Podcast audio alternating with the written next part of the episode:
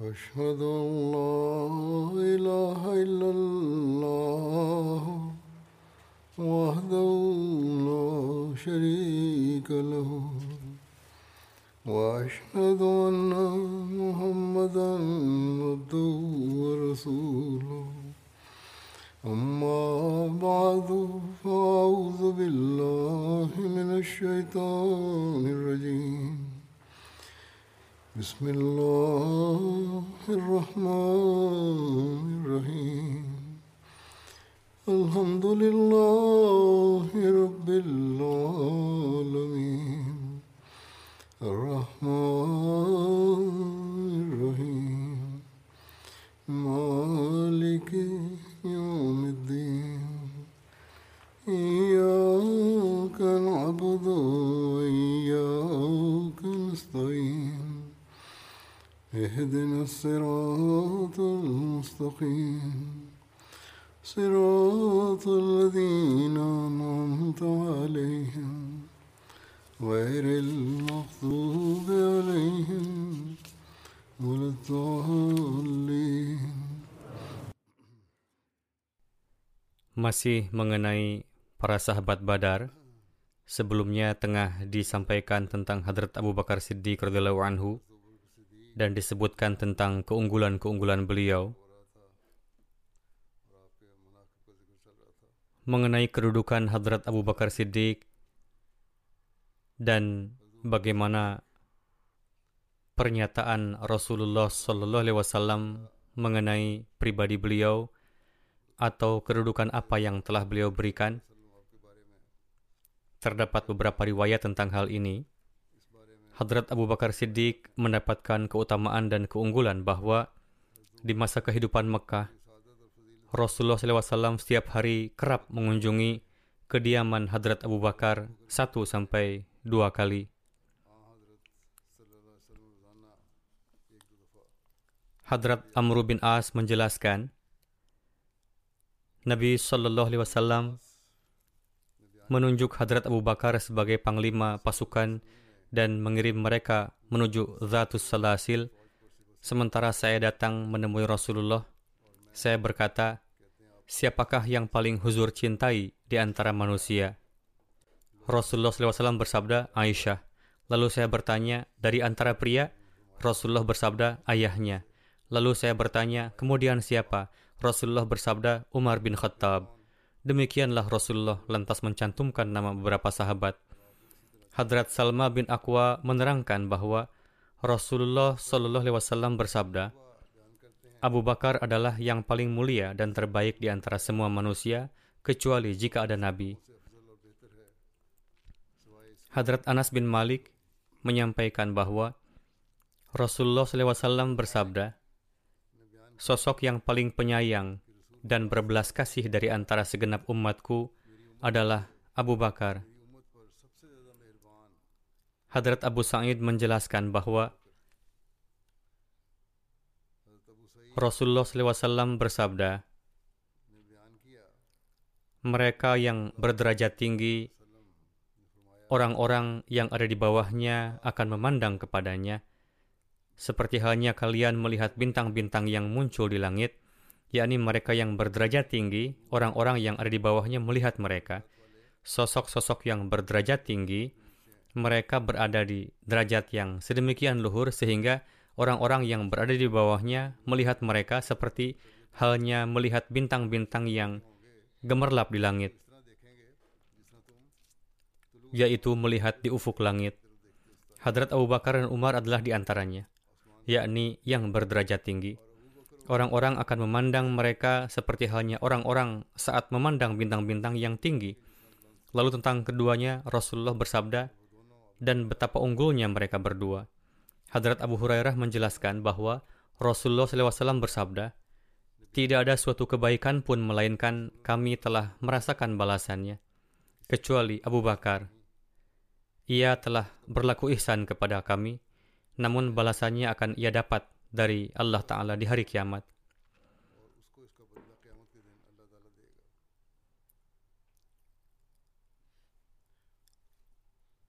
Nabi Karim Sallallahu Alaihi Wasallam di masa penghujung sakit beliau bersabda, "Tidak ada seorang pun di antara manusia yang lebih unggul dalam hal kebaikan dari segi jiwa dan hartanya melebihi saya dan Abu Bakar bin Abu Kahafah.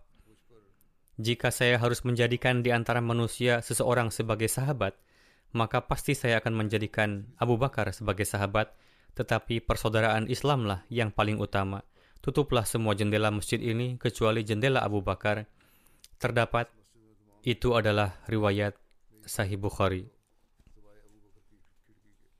Yang mulia Rasulullah SAW bersabda, Abu Bakar adalah dariku dan aku adalah dari Abu Bakar. Abu Bakar adalah saudara saya, baik di dunia maupun di akhirat. Di Sunan Tirmizi terdapat riwayat bahwa Hadrat Anas menjelaskan, Rasulullah SAW bersabda mengenai Hadrat Abu Bakar dan Hadrat Umar, mereka berdua adalah sosok pemimpin dan ahli surga. Mereka merupakan ahli surga yang berusia tinggi di antara orang-orang terdahulu dan akhir. Selain para nabi dan rasul, wahai Ali, janganlah sampaikan ini kepada keduanya. Rasulullah menuturkan kepada perawi, yaitu Hadrat Ali, untuk tidak menyampaikannya. Perawi menuturkan, Diriwayatkan dari Hadrat Anas bahwa Rasulullah SAW pergi keluar mengunjungi para sahabat beliau dari kaum muhajirin dan ansor. Beliau duduk bersama mereka dan di antaranya ada Hadrat Abu Bakar dan Hadrat Umar. Mereka menunduk dan tidak ada di antara mereka yang memandang langsung ke arah beliau kecuali Hadrat Abu Bakar dan Hadrat Umar. Mereka keduanya memandang beliau dan Rasulullah pun memandang mereka. Keduanya tersenyum memandang beliau dan beliau pun tersenyum saat memandang mereka. Diriwayatkan oleh Hadrat Ibnu Umar bahwa Rasulullah SAW bersabda kepada Hadrat Abu Bakar, Engkau adalah sahabatku di dalam haud, ceruk tanah, dan adalah sahabatku di dalam gua. Hadrat Jubair bin Mut'im menerangkan, seorang wanita datang menjumpai Rasulullah SAW untuk menyampaikan suatu hal, Lalu Rasulullah memberikan petunjuk tentang hal itu. Kemudian wanita itu bertanya, Wahai Rasulullah, apa pendapat huzur jika kelak saya tidak mendapati huzur? Yakni Rasulullah SAW tidak ada atau telah wafat tatkala ia nanti membutuhkan. Rasulullah bersabda, jika Anda tidak mendapati saya, maka datanglah menemui Abu Bakar ia akan memenuhi kebutuhanmu.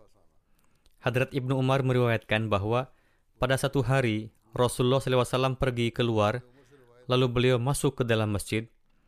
Hadrat Abu Bakar dan Hadrat Umar salah satunya berada di sebelah kanan beliau, dan satu lagi berada di kiri beliau. Dan Rasulullah memegang tangan keduanya seraya berkata, Seperti inilah kita akan dibangkitkan di hari kiamat. Diriwayatkan oleh Hadrat Abdullah bin hantab bahwa Rasulullah memandang ke Hadrat Abu Bakar dan Hadrat Umar dan bersabda, mereka berdua adalah telinga dan mata, yakni sahabat saya yang sangat erat.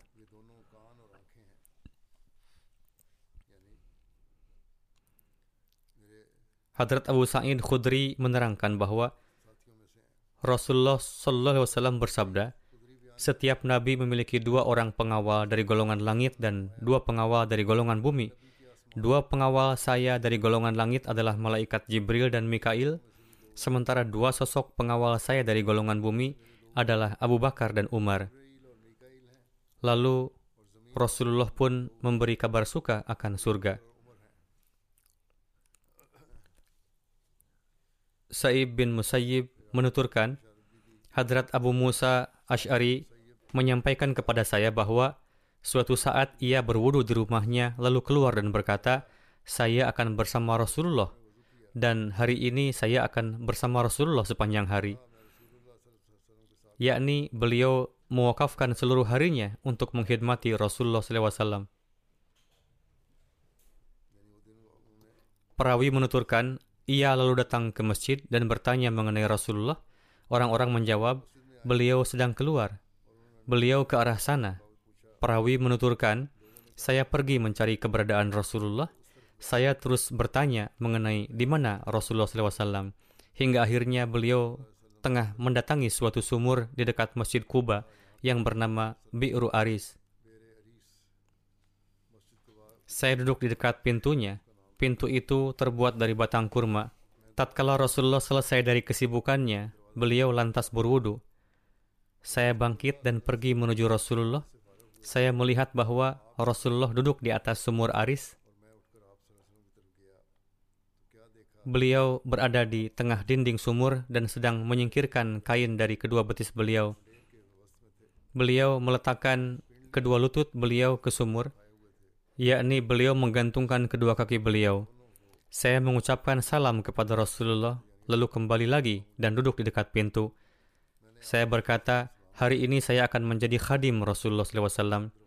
Saat itu juga Hadrat Abu Bakar datang, lalu beliau mendorong pintu. Saya bertanya, siapakah di sana? Hadrat Abu Bakar menjawab, Abu Bakar. Saya berkata, mohon tunggu. Lalu saya menemui Rasulullah dan berkata, Wahai Rasul, Abu Bakar meminta izin hendak bertemu. Rasulullah bersabda, izinkanlah ia, dan berilah kabar suka surga kepadanya. Saya kembali dan menyampaikan kepada Hadrat Abu Bakar, silahkan masuk, dan Rasulullah telah memberikan kabar suka surga kepada Anda. Hadrat Abu Bakar masuk ke dalam dan duduk di samping kanan Rasulullah di atas dinding sumur. Hadrat Abu Bakar pun menyandarkan kaki beliau pada sumur seperti yang dilakukan oleh Rasulullah SAW dan mengangkat kain dari kedua betis beliau. Lalu saya kembali dan duduk di tempat semula. Sebelum ke sini, saya bertemu saudara saya dan berpesan agar ia berwudu dan pergi kemari menemui saya. Di dalam hati saya berkata, jika Allah menginginkan kebaikan kepada seseorang, yang ia maksud adalah saudaranya, maka Allah pasti akan membawanya kemari. Lalu yang ia lihat adalah seseorang tengah menggerakkan pintu. Lalu saya bertanya, siapa di sana? Ia menjawab, Umar bin Khattab. Saya berkata, mohon tunggu. Lalu saya menemui Rasulullah dan mengucapkan salam kepada Rasulullah dan berkata, Wahai Rasul, ada Umar bin Khattab yang hendak izin masuk. Rasulullah bersabda, berilah ia izin dan sampaikan kabar suka surga kepadanya. Saya kembali dan menyampaikan kepada beliau, silahkan masuk. Dan Rasulullah telah memberi kabar suka surga kepada Anda. Hadrat Umar masuk ke dalam dan duduk di atas dinding sumur bersama Rasulullah. Di samping kiri beliau, seraya menggantungkan kedua kaki beliau ke sumur.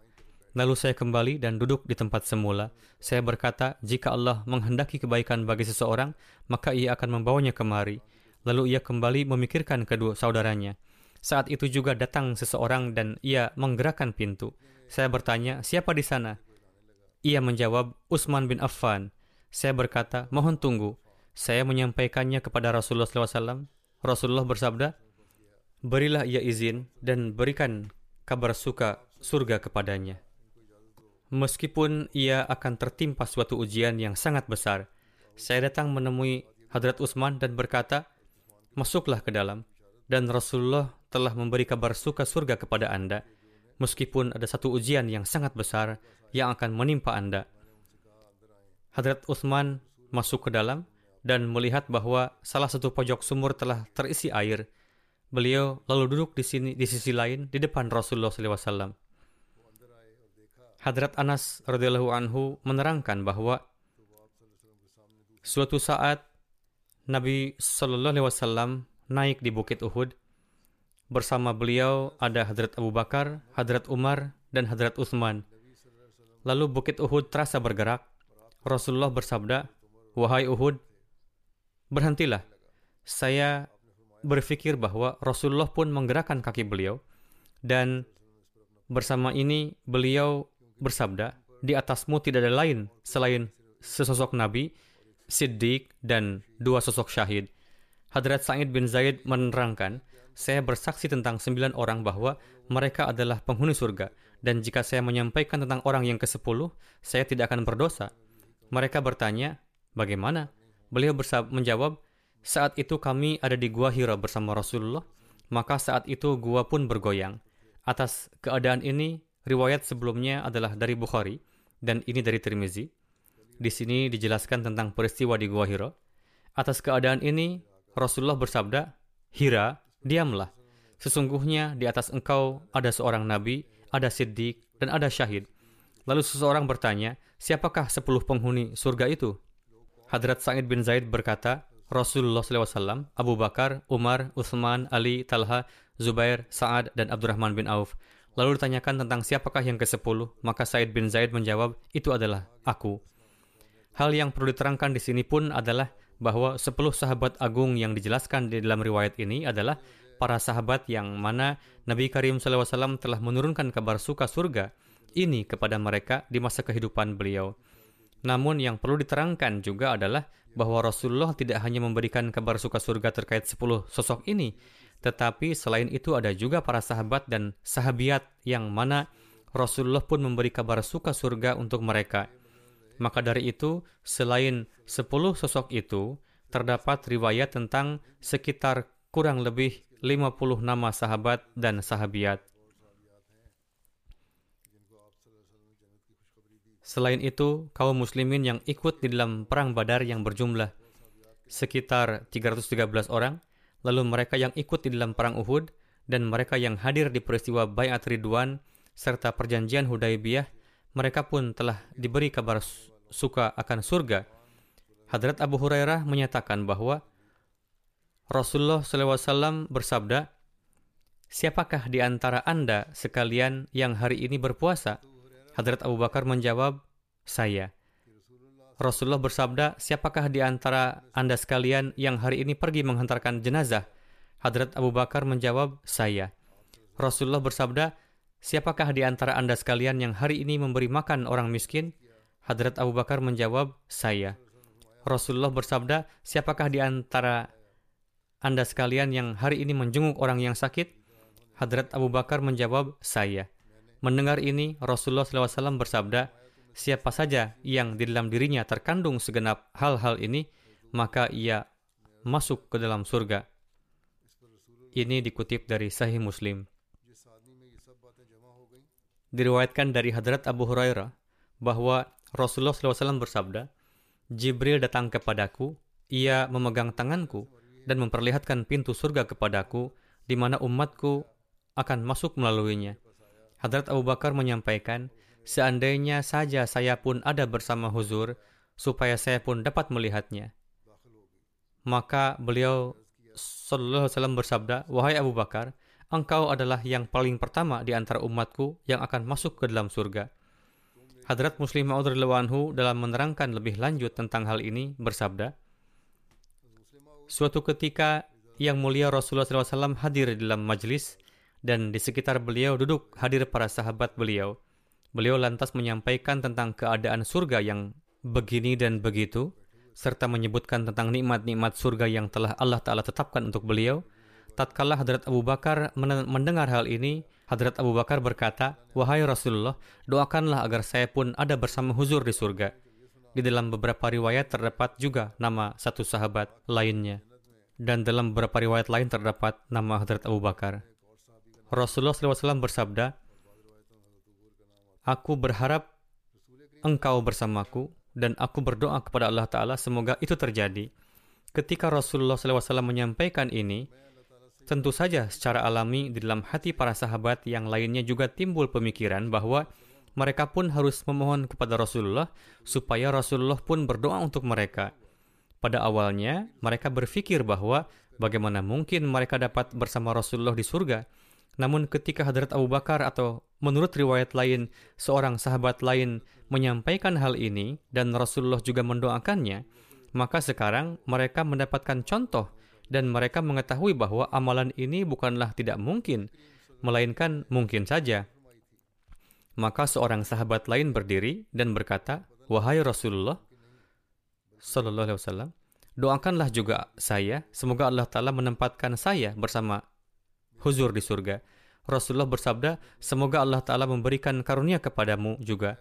Namun orang yang mengucapkannya sebelumnya, sekarang dia telah mengambil doa itu. Hadrat Muslim Ma'ud menjelaskan, suatu kali Rasulullah bersabda, barang siapa yang banyak melakukan ibadah ini akan dipersilahkan melewati pintu surga ini.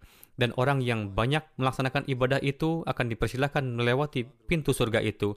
Demikianlah Rasulullah menyebutkan nama berbagai macam ibadah dan bersabda bahwa orang-orang akan dipersilahkan melewati salah satu dari antara tujuh pintu surga sesuai dengan amalan-amalan kebaikan yang lebih mereka utamakan.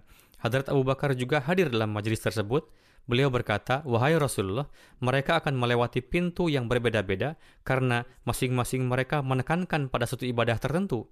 Namun, wahai Rasulullah, jika ada seseorang yang memberikan penekanan pada semua jenis ibadah, maka bagaimana dia akan diperlakukan? Rasulullah bersabda, dia akan dipersilahkan melewati ketujuh pintu surga. Dan, wahai Abu Bakar, aku berharap engkau pun termasuk di antara mereka. Riwayat ini masih akan berlanjut pada kesempatan mendatang. Insya Allah, sekarang saya ingin menyampaikan riwayat beberapa almarhum dan saya juga akan memimpin salat jenazah mereka setelah ini. Jenazah yang pertama adalah yang terhormat Abdul Basit Sahib, Amir Jemaat Ahmadiyah Indonesia, yang wafat pada 8 Oktober di usia 71 tahun. Inna lillahi wa inna ilaihi raji'un. Beliau adalah putra dari Maulwi Abdul Wahid Sumatri Sahib. Setelah menempuh pendidikan hingga FA, beliau masuk Jamiah Ahmadiyah Rabwah pada tanggal 20 September tahun 72 di usia 21 tahun. Pada awal tahun 81, beliau lulus ujian syahid dari Jamiah Ahmadiyah Rabwah Beliau kembali ke negaranya Indonesia sebagai mubalik pada tahun 81.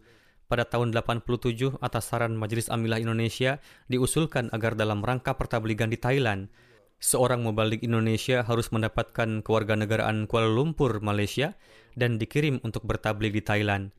Maka nama beliau diusulkan. Hadrat Khalifatul Masih Ar-Rabi rahimahullah memberikan persetujuan dan Abdul Basit Sahib berangkat ke Thailand. Kemudian beliau ditugaskan kembali di Indonesia dan menetap di Indonesia hingga akhir hayatnya dan mendapatkan taufik berkhidmat sebagai amir dalam waktu yang lama. Masa pengkhidmatan beliau hingga 40 tahun. Selain istri, beliau meninggalkan tiga putra dan dua putri. Istri beliau, Nyonya Musliwati, menuturkan bahwa almarhum sangat mencintai jemaat dan selalu mengutamakan jemaat di atas segalanya. Sebagai seorang istri, saya mengakui dedikasi dan pengkhidmatan beliau terhadap jemaat. Keponakan beliau yang bernama Tahir Sahib menuturkan bahwa almarhum sepenuhnya mematuhi arahan dari pusat. Almarhum pernah menyampaikan bahwa ada rencana pergi ke Malaysia untuk bertemu dengan keluarga. Beliau juga telah membeli tiket pesawat untuk itu tapi setelah sekitar seminggu ketika saya bertemu lagi, saya menanyakan, mengapa tidak pergi ke Malaysia? Almarhum menjawab bahwa surat yang diterima dari pusat tidak mengizinkan saya untuk pergi. Jadi saya mengurungkan niat saya untuk pergi ke Malaysia. Dan bahkan beliau tidak memperdulikan tiketnya. Seorang pengurus yang bekerja bersama beliau menuturkan, beliau mengajarkan dan memberikan pemahaman kepada kami dengan penuh kasih sayang Meskipun berkedudukan sebagai amir jemaat, beliau tidak meminta sarana-sarana kemudahan dari jemaat. Apa pun yang beliau dapatkan dari jemaat, beliau menggunakannya dengan senang hati. Beliau lebih mengutamakan kesederhanaan. Selama jam kantor, beliau sering menghampiri dan duduk di dekat kami dan membaca-baca surat-surat serta menulis catatan. Beliau sangat menghormati mubalik dan memiliki pengetahuan yang dalam dan luas. Setiap kali hendak membuat keputusan, beliau selalu meminta saran dari para anggota amilah Beliau adalah sosok yang karismatik, namun penuh kerendahan hati. Beliau sangat pandai bergaul dan memperlakukan setiap orang, baik kecil maupun besar, dengan sikap yang baik. Beliau sangat mencintai khilafat. Beliau biasa menasihati kami supaya segera mengamalkan perintah khalifah dan meninggalkan semua pendapat kami sendiri. Beliau mengutamakan nizam jemaat. Beliau mengawasi dan melindungi sepenuhnya harta jemaat. Beliau menindak tegas setiap pelanggaran Beliau sering datang ke kantor lebih dahulu dari karyawan-karyawan lainnya. Jika karena suatu sebab beliau tidak bisa datang atau terlambat datang, maka beliau pasti mengabarkan kepada staf. Bahkan ketika beliau keluar dari kantor untuk suatu hal, sekalipun sebentar, beliau selalu memberitahu staf kantor. Almarhum sangat berhati-hati saat memeriksa laporan atau surat. Beliau memperhatikan segala sesuatu dengan seksama, dan jika ada pekerjaan mendesak, beliau biasa sibuk hingga larut malam. ketika pergi untuk menemui para Ahmadi, beliau selalu membawa hadiah untuk para anak-anak Ahmadi. Beliau senantiasa bersikap penuh cinta dan kasih sayang. Beliau adalah seorang pembimbing yang senantiasa berusaha menyenangkan orang lain. Bagi kami dan para Ahmadi di Indonesia, Pak Amir seolah-olah bapak rohani. Beliau selalu mengutamakan nizam dan tradisi jemaat. Huzur bersabda, inilah kualitas yang harus dimiliki oleh seorang Amir. Ketika beliau marah, beliau menjaga kehormatan setiap orang, bukan mengatakan apa pun yang diinginkan dalam kemarahan. Beliau selalu memperhatikan aspek islah, perbaikan dalam memberikan hukuman. Tidak ada permusuhan, tidak ada kebencian, melainkan islah perbaikanlah yang menjadi tujuan beliau. Banyak Ahmadi biasa meminta bimbingan dari beliau dalam masalah properti jemaat mereka, Beliau memperhatikan para anggota jemaat Ahmadiyah Indonesia dengan kerja keras dan kecintaan yang luar biasa. Beliau sakit sejak satu tahun lalu, bahkan pada hari-hari sakitnya pun beliau menghidmati jemaat seperti biasa dengan melaksanakan berbagai rapat, rabtah, dan kunjungan dan tidak membiarkannya berkurang. Mahmud Wardi Sahib yang berkhidmat di Indonesian Desk di sini, di London, menuturkan, ada beberapa aspek dari karakter beliau yang sangat menonjol, di antaranya yang paling nampak adalah keluasan ilmu beliau. Beliau adalah seorang yang sangat mencintai ilmu. Beliau memiliki pengetahuan yang luas berkenaan dengan berbagai topik. Beliau mahir melakukan perbincangan yang hidup mengenai topik apa pun yang dibahas. Selain ilmu-ilmu berdasarkan buku-buku jemaat, beliau juga menguasai pengetahuan umum lainnya. Beliau secara rutin membaca surat kabar-surat kabar beliau biasa membaca surat kabar-surat kabar nasional maupun internasional, baik yang berbahasa Indonesia maupun Inggris. Ketika berpidato, beliau tidak berpidato panjang lebar. Beliau selalu memberikan pidato yang singkat dan komprehensif. Dan senantiasa menyampaikan pidato beliau dalam bahasa yang sederhana kepada orang-orang. Orang-orang dari setiap kalangan dapat dengan mudah memahami apa yang beliau sampaikan. Kemudian menuturkan, pakaian sehari-hari beliau sangat sederhana, namun beliau adalah sosok yang berwibawa. Tidak ada suatu kepura-puraan atau dibuat-buat. Orang-orang dari setiap kalangan biasa duduk bersama beliau dan berbincang-bincang tanpa merasa canggung, tetapi mereka semua selalu berbicara dengan beliau seraya mengingat kehormatan dan kedudukan beliau. Seorang mubalik dan juga dosen di Jamiah Ahmadiyah Indonesia, Fazli Umar Faruk Sahib menuturkan, saya dekat dengan Pak Amir sejak masih kecil. Ketika jemaat Indonesia berada dalam masa yang sangat sulit, beliau menyemangati seluruh anggota jemaat dengan kerja keras, kesabaran, dan ketabahan. Beliau menasihatkan kepada mereka untuk bersabar dan berdoa. Ketika berdoa, beliau melakukannya dengan penuh rintihan dan kekhusyuan. Beliau selalu tepat waktu datang ke masjid untuk salat, Beliau sangat memperhatikan para wakifin zindagi. Ketika ada mubalik yang akan berangkat ke medan pengkhidmatan, beliau biasa memberikan kepadanya semacam hadiah dari beliau. Saifullah Mubarak Sahib, beliau juga adalah dosen jamiah, menuturkan, Maulana Abdul Basit Sahib adalah seorang suri teladan luhur bagi para wakifin zindagi. Beliau selalu hadir dalam setiap program jemaat, beliau berbicara dengan lembut dan hormat kepada setiap orang. Jika beliau hadir dalam acara apa pun, maka acara itu menjadi hidup dengan kedatangan beliau. Beliau senantiasa tersenyum. Ketika saya belajar di Jamiah Indonesia, setelah maghrib beliau biasa duduk bersama kami, menanyakan kabar kami, dan mengobrol ringan. Kemudian Nuruddin Sahib, seorang mubalig, juga menulis, Beliau merupakan seorang amir yang memberikan contoh teladannya. Pada tahun 2018, beliau hadir dalam peletakan batu pertama masjid kami. Waktu itu kami hanya memiliki uang 60 juta rupiah. Nilai rupiah Indonesia sangat rendah. Sehingga ada penyebutan dalam nominal puluhan juta dan miliaran di sana. Dalam konteks ini dikatakan, telah ada uang sebesar 60 juta rupiah, sedangkan anggaran untuk masjid dibutuhkan sekitar 1,5 miliar rupiah. Pak Amir menasihatkan bahwa untuk membangun masjid, kita biasa memulai pembangunan dengan anggaran berapapun yang tersedia. Tetapi setelah itu, kita akan melihat suatu bentuk pertolongan Allah Ta'ala. Jangan khawatir, dari 1,5 miliar anggaran, kalian memiliki 60 juta rupiah. Maka mulailah pembangunan. jumlah ini sepersepuluhnya pun tidak. Hanya sebesar 3 atau 4 persen. Setelah memberikan nasihat ini, beliau mengeluarkan dompet dari saku beliau dan memberi kami sejumlah uang untuk pembangunan masjid. Dari sini, para anggota jemaat berlomba-lomba mempersembahkan pengorbanan terbaik mereka.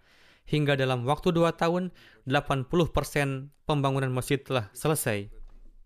Kemudian tibalah masa pandemi, pendapatan para anggota menurun dan kemudian pembangunan masjid dihentikan. Lalu kami menghadap kepada beliau dan menyampaikan bahwa kami ingin menyelesaikan pembangunan masjid, tetapi dibutuhkan sekitar 150 juta rupiah. Kami berharap pusat akan membantu kami. Tetapi Pak Amir mengatakan bahwa pusat tidak akan membantu. Kalian mampu memenuhi jumlah ini tanpa meminta kepada siapa pun. Beliau bertanya, ada berapa jumlah anggota di sana? Saya sampaikan 160 orang. Mendengar ini, seraya tersenyum, beliau berkata dengan tenang, sampaikan kepada setiap orang supaya masing-masing memberikan 10 juta rupiah. Maka jumlah ini akan terpenuhi. Nuruddin Sahib menuturkan, pada awalnya, kami tidak yakin bahwa pekerjaan tersebut akan dapat dilakukan semudah itu. Namun ketika kami mulai mengamalkan nasihat ini, Allah Ta'ala meresapkan suatu kecintaan dan semangat ke dalam hati para anggota jemaat untuk mempersembahkan harta terbaik mereka untuk pembangunan masjid. Selain itu, almarhum juga kembali memberikan sejumlah uang yang jumlahnya tidak sedikit.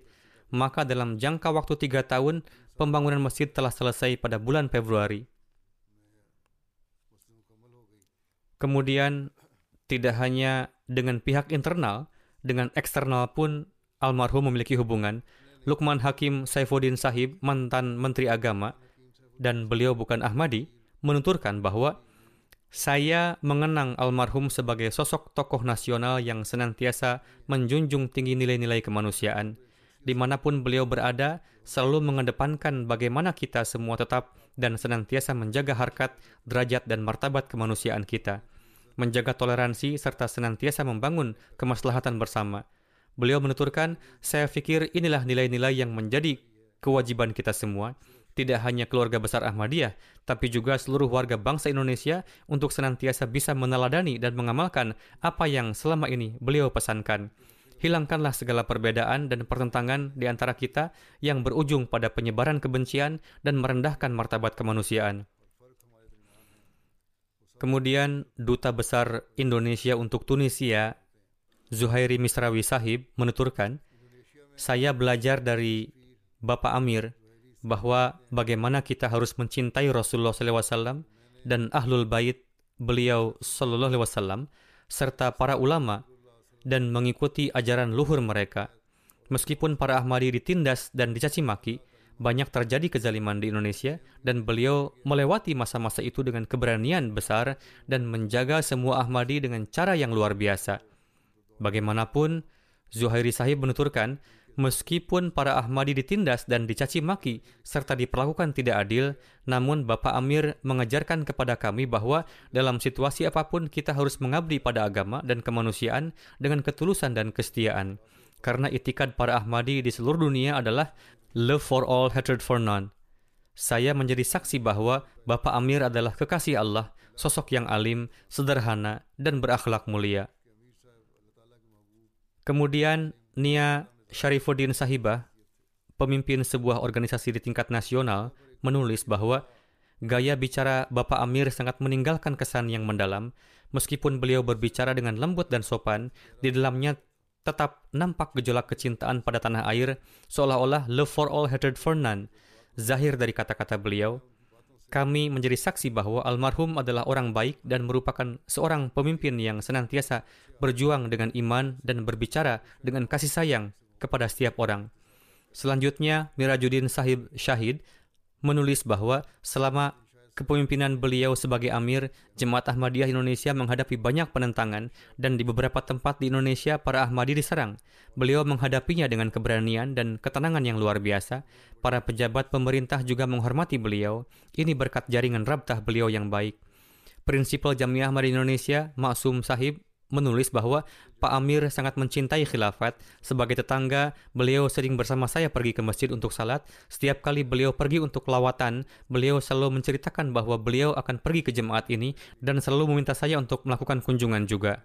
Beliau memperhatikan Jamiah Ahmadiyah secara khusus. Sebagai anggota board member Jamiah Ahmadiyah, ketika mewawancarai para calon mahasiswa, beliau selalu berpesan bahwa kalian akan menjadi mubalik. Untuk itu, berusahalah untuk menjadi panutan bagi jemaat dalam segala hal. Dan beliau pun membimbing saya, memberitahukan kepada saya berkenaan dengan setiap individu mahasiswa, yakni apa saja kekurangan yang ada pada siswa ini dan itu, dan menginstruksikan kami untuk mengatasinya. Alhasil, beliau menaruh rasa ketertarikan mendalam terhadap para mahasiswa jamiah. Tuan Irsyad Malhi adalah seorang mubalik di Amerika, menuturkan bahwa Basit Sahib adalah teman sekelas saya di jamiah dan bahkan teman sekamar. Saya mendapatkan kesempatan untuk menyaksikan beliau sangat dekat. Beliau adalah sosok yang sangat cerdas dan brilian, ceria, ramah, dan juga humoris. Beliau juga adalah pemain bulu tangkis yang sangat handal, selalu menang ketika bermain di Rabuah. Almarhum pernah menceritakan kepada saya bahwa ketika beliau datang dari Indonesia ke Jamiah Rabuah, pada masa itu beliau menerima tawaran besar sebagai atlet dari sebuah perusahaan. Hal itu membuat ayahanda beliau, Maulana Abdul Wahid Sahib, sangat khawatir jangan sampai Abdul Basit mengubah iradahnya untuk kuliah di jamiah karena godaan tawaran besar ini. Ketika beliau melihat kekhawatiran ayahnya, beliau meyakinkan sang ayah dan berjanji bahwa beliau tidak akan pernah meninggalkan agama untuk keuntungan duniawi. Kemudian beliau menolak untuk menerima tawaran untuk mendapatkan keuntungan finansial yang besar. Seluruh kehidupan beliau menjadi saksi bahwa beliau selalu mengutamakan agama di atas dunia dan memenuhi janjinya. Beliau sangat mencintai khilafat dan merupakan sosok yang setia dan patuh. Beliau sangat dekat dengan Hadrat Khalifatul Masih yang ketiga rahimahullah bahkan ketika masa pendidikan di Rabuah. Kami kadang suka menggoda beliau dengan mengatakan bahwa Anda adalah kesayangan Hadrat Khalifatul Masih yang ketiga. Demikian pula, beliau selalu menunjukkan contoh ketulusan dan kesetiaan pada setiap era khalifah. Semoga Allah Ta'ala memberikan beliau magfirah dan rahmat kepada beliau, mengangkat derajat beliau, dan semoga Allah senantiasa memberikan para mubalig dan pekerja seperti beliau kepada jemaat ini. Saya juga selalu melihat beliau, seperti yang saya katakan, sebagai sosok yang sangat patuh dan tidak mementingkan diri sendiri. Semoga Allah Ta'ala terus memenuhi kekurangan yang disebabkan oleh kepergian, para murabbi dan para mubalik di Indonesia hendaknya meneladani sosok beliau, khususnya para mubalik yang ada di belahan dunia lainnya juga. Ini bukanlah sesuatu yang sudah usang. Pada zaman ini, mereka adalah orang-orang yang mendahulukan agama di atas dunia dan memenuhi hak wakafnya. Jenazah selanjutnya adalah Zainab Ramadan Sahibah. Beliau adalah istri dari Yusuf Usman Kambala, seorang guru di Tanzania.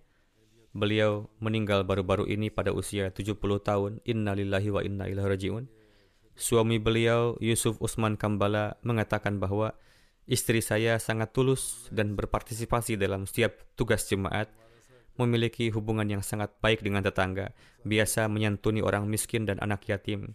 Beliau banyak mengkhidmati dan menghormati para mubalik, selalu terdepan dalam pembayaran candah, Di mana pun kami tinggal, ia selalu giat untuk melaksanakan tugas jemaat. Dia memperlakukan semua Ahmadi dengan penuh keikhlasan. Beliau terjangkit penyakit kanker selama dua setengah tahun, melakukan pengobatan ke dokter-dokter terbaik. Namun takdir Allah Ta'ala lebih unggul, dan beliau wafat beberapa hari yang lalu. Beliau menulis, ada sekitar seribu orang dari Tapura dan berbagai daerah yang menghadiri pemakaman beliau, yang di antaranya adalah Gair yang bukan kerabat juga. Beliau meninggalkan tiga putri dan tiga putra yang kini telah menikah. Semoga Allah telah memberikan beliau magfirah dan rahmatnya.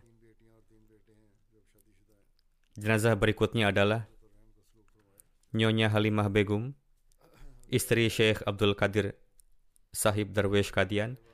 Beliau meninggal bulan lalu. Inna lillahi wa inna ilaihi raji'un.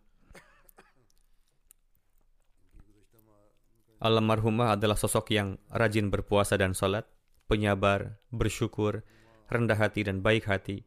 Beliau juga bekerja keras untuk membuat anak-anak rajin sholat dan membaca Al-Quran. Selama kesehatan memungkinkan, beliau terus mengajarkan Al-Quran kepada anak-anak di Kadian.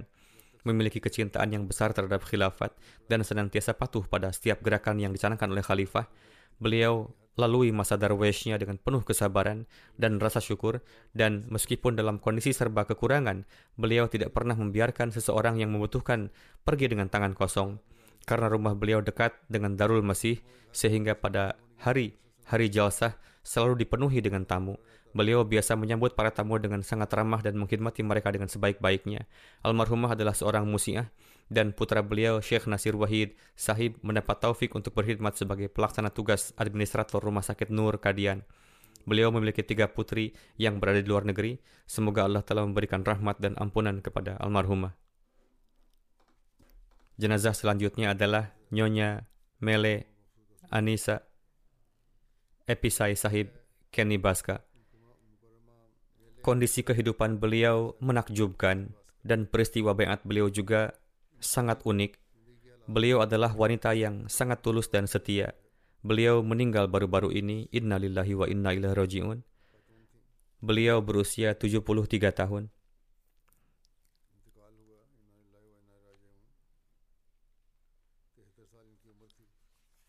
Khaja Faisal Mubalik Karibas mengatakan bahwa Mele Anissa Episai Sahibah Karibas adalah muslimah dan Ahmadi pertama di jemaat Karibas.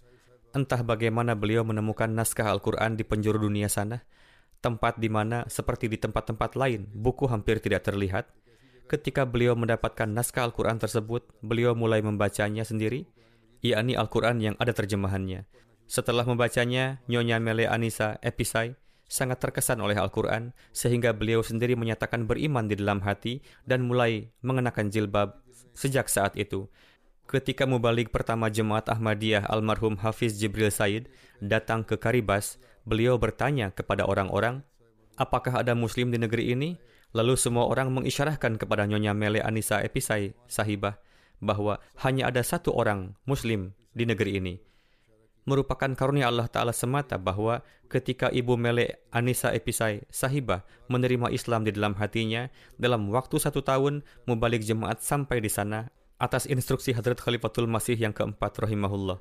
Wanita muda pemberani tersebut telah mulai mendakwahkan Islam kepada keluarga dan teman-temannya pada waktu itu sebelum mubalik jemaat dapat sampai di sana dan karena itulah telah menjadi buah bibir di negeri kecil yang berpenduduk 100 ribu jiwa itu, bahwa seorang wanita telah menjadi muslimah.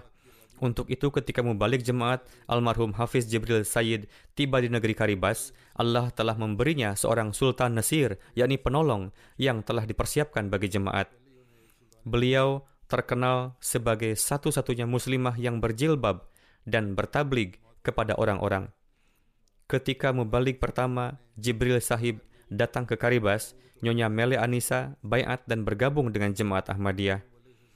Beliau mengatur tempat untuk akomodasi Pak Mubalig, menyediakan fasilitas, dan kemudian menyibukkan diri bertablig. Banyak orang masuk jemaat karena tablig beliau.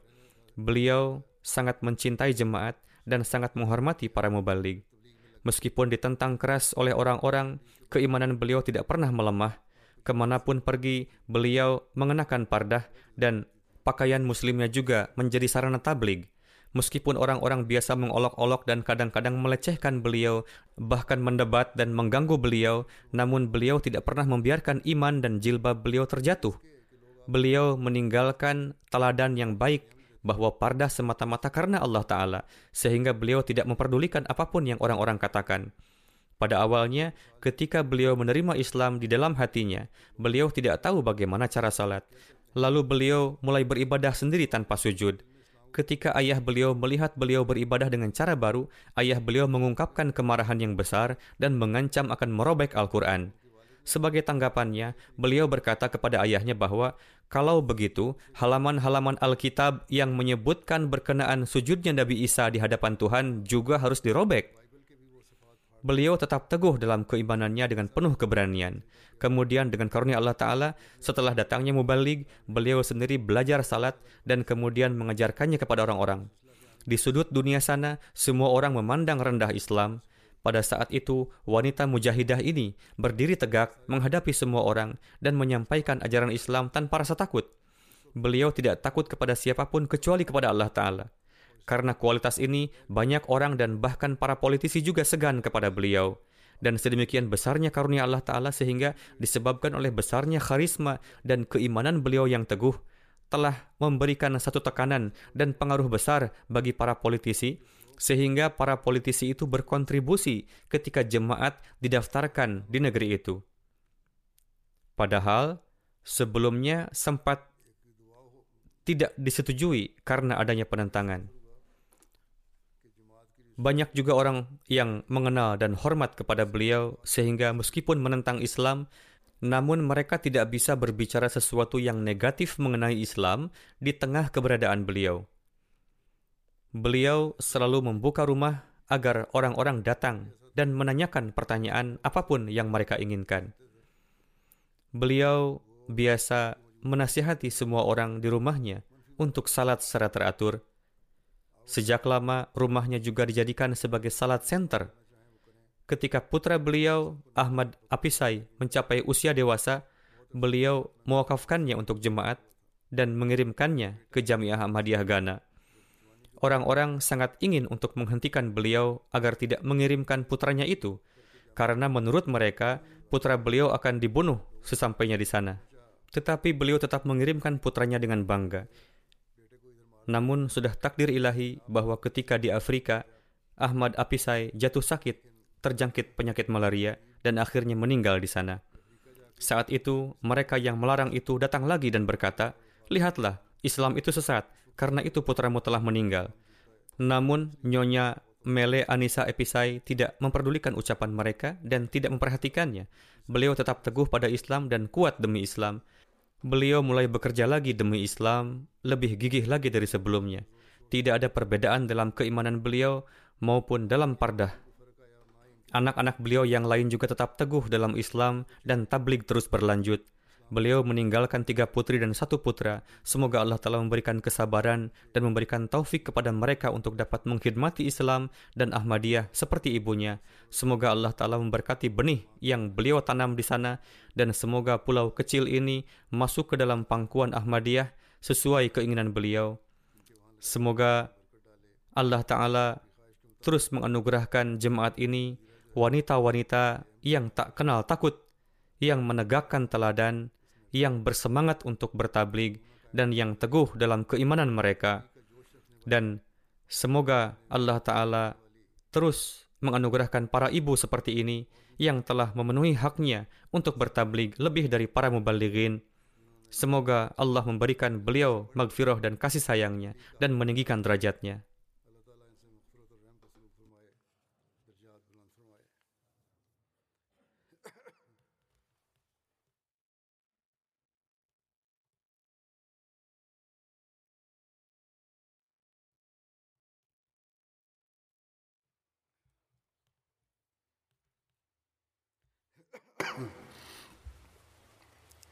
الحمد لله الحمد لله نحمده ونستعينه ونستغفره ونؤمن به ونتوكل عليه ونعوذ بالله من شرور أنفسنا ومن سيئات أعمالنا.